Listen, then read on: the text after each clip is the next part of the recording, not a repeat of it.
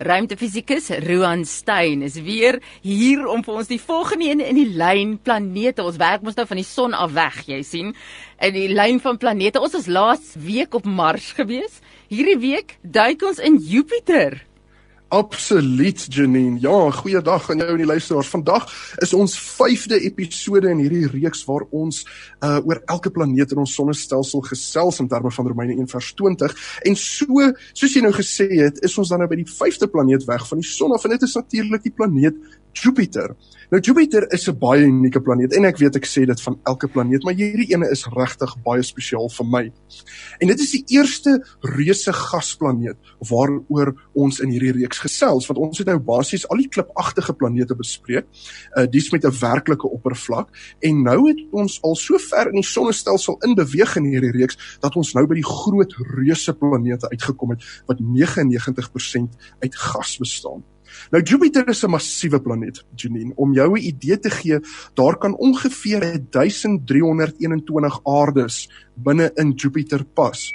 En die massa van Jupiter is 2.5 keer die massa van al die planete bymekaar getel. En sy omtrek by die ewenaar is 143000 km. Nou as gevolg van sy massa is Jupiter se gravitasieversnelling 25 meter per sekonde kwadraat. En as ons dit nou vergelyk met die aarde se kleine 9.8 meter per sekonde kwadraat. En dit beteken dat geen mens gaan op Jupiter kan lewe nie. Die gravitasieversnelling gaan net eenvoudig jou hart nie toelaat om te klop nie. Die mens se hart is net nie sterk genoeg om teen daardie gravitasie bloed te kan pomp nie.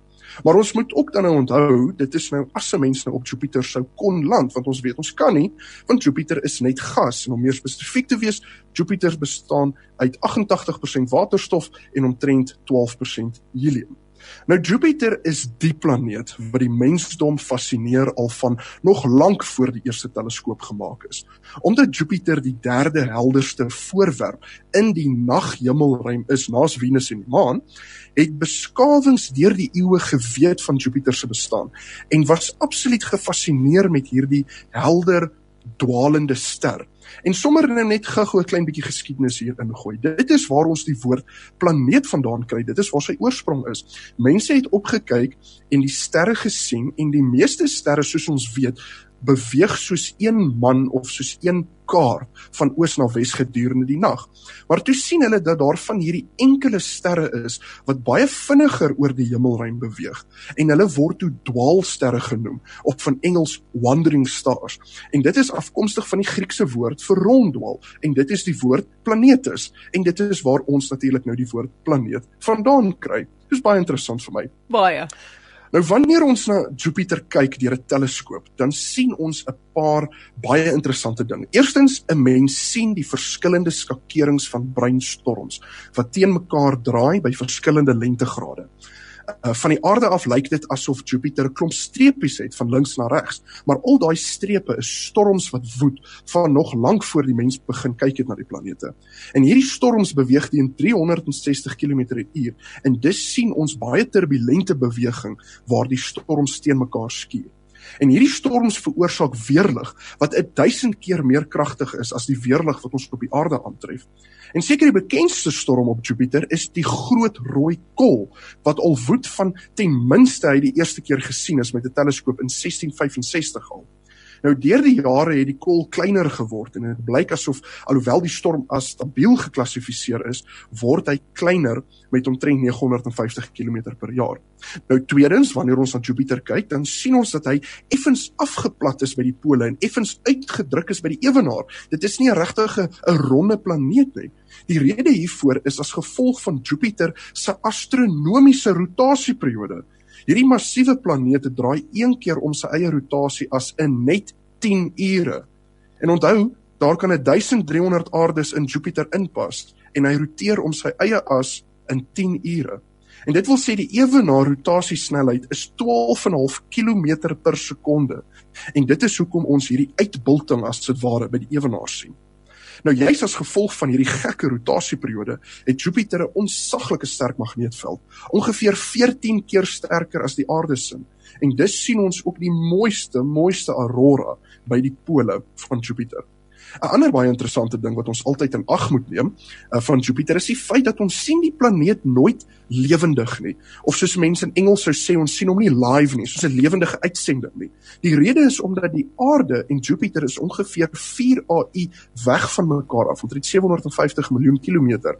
En dit vat sonlig tussen 34 minute en 45 minute om van Jupiter af te weerkaats na die Aarde toe. Dis as ons nou na 'n beeld van Jupiter kyk, is dit presies hoe die planeet 45 minute teruggelyk het.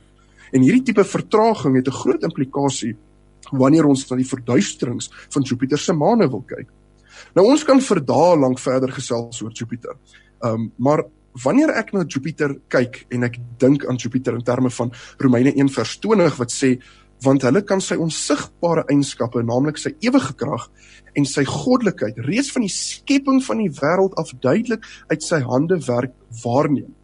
Dan sien ek Jupiter as die beskermende planeet. Dit is teen die beste eienskap van hierdie planeet. Die Here het Jupiter presies daar gesit en hom presies daai grootte en massa gegee sodat Jupiter die binnekringe van die sonnestelsel kan beskerm. Daar is onsaglik baie asteroïdes en komete wat teen Jupiter al gebots het in die verlede omdat Jupiter se gravitasieveld so sterk is dat hy die komete en asteroïdes vang in sy veld en dan bots hulle teen Jupiter in plaas daarvan dat hulle naby aan die aarde verbykom.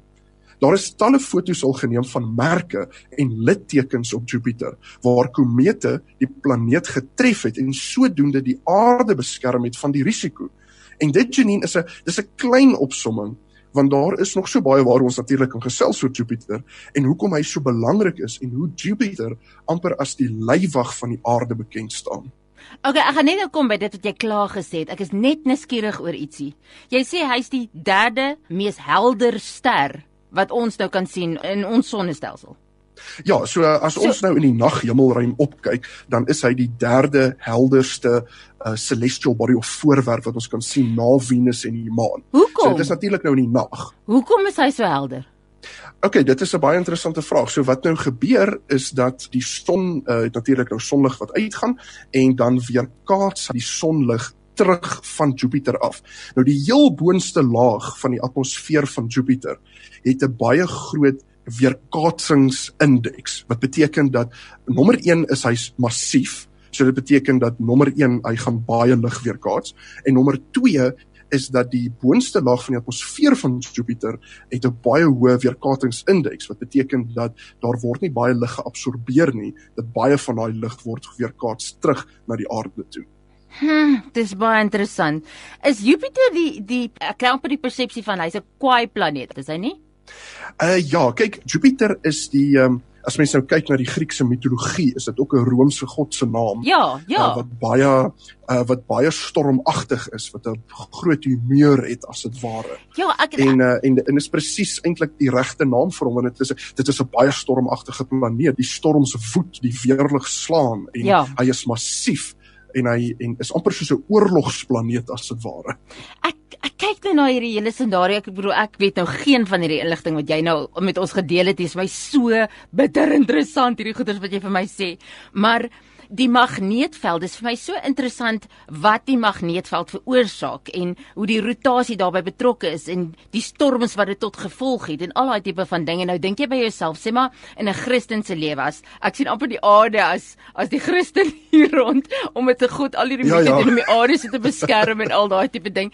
En hoe dat as daar 'n ongeredde naby jou is wat nie lewe in die wil van God nie, wat oorgelewer is aan die effek van sonde en van en van jou eie persoonlikheid as jy miskien iemand is wat maklik kwaad word of iemand wat um, jy betaal so duur daarvoor. Dis amper asof jy dan na, na jou toe aantrek al hierdie goeders wat Satan het om na mense toe te gooi nê en dat as Christen staan jy onder die beskerming van God en hoe die Here baie keer dit wat om jou en mense wat om jou is wat nie deel is van sy koninkryk nie hulle they, they take it for you tipe storie. Verstaan jy wat ek bedoel? Ja, Dis vir my baie ja, ja, interessant. Ek, ek verstaan heeltemal wat jy sê. Ja, jy het dit is asof die ongeredde persoon het die autoriteit gegee vir die duiwel om hom te gooi met goed. En is, en in die soewereiniteit van God, want ons het nou al soveel keer as jy lees in Romeine, as hy praat van vessels of beauty and vessels of destruction, wat hy ja. hy gebruik wie hy gebruik en dat hy selfs al is 'n ongeredde nie besig om sy lewe um ten goeie uit te werk nie,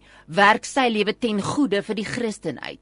Die, jou pyn en lyding buite God se wil is amper besig om ten goeie vir die Christen te werk. Um dat dat jy vat een vir die ja, span ja. sonder dat jy dit eers weet juis in jou rebelsheid en in jou ongehoorsaamheid is die goeters wat jou tref, goed wat eintlik daai Christen kon getref het, maar en jy weet eers van die hele dinamika, dit is net 'n soewereine God wat alles ten goeie laat meewerk.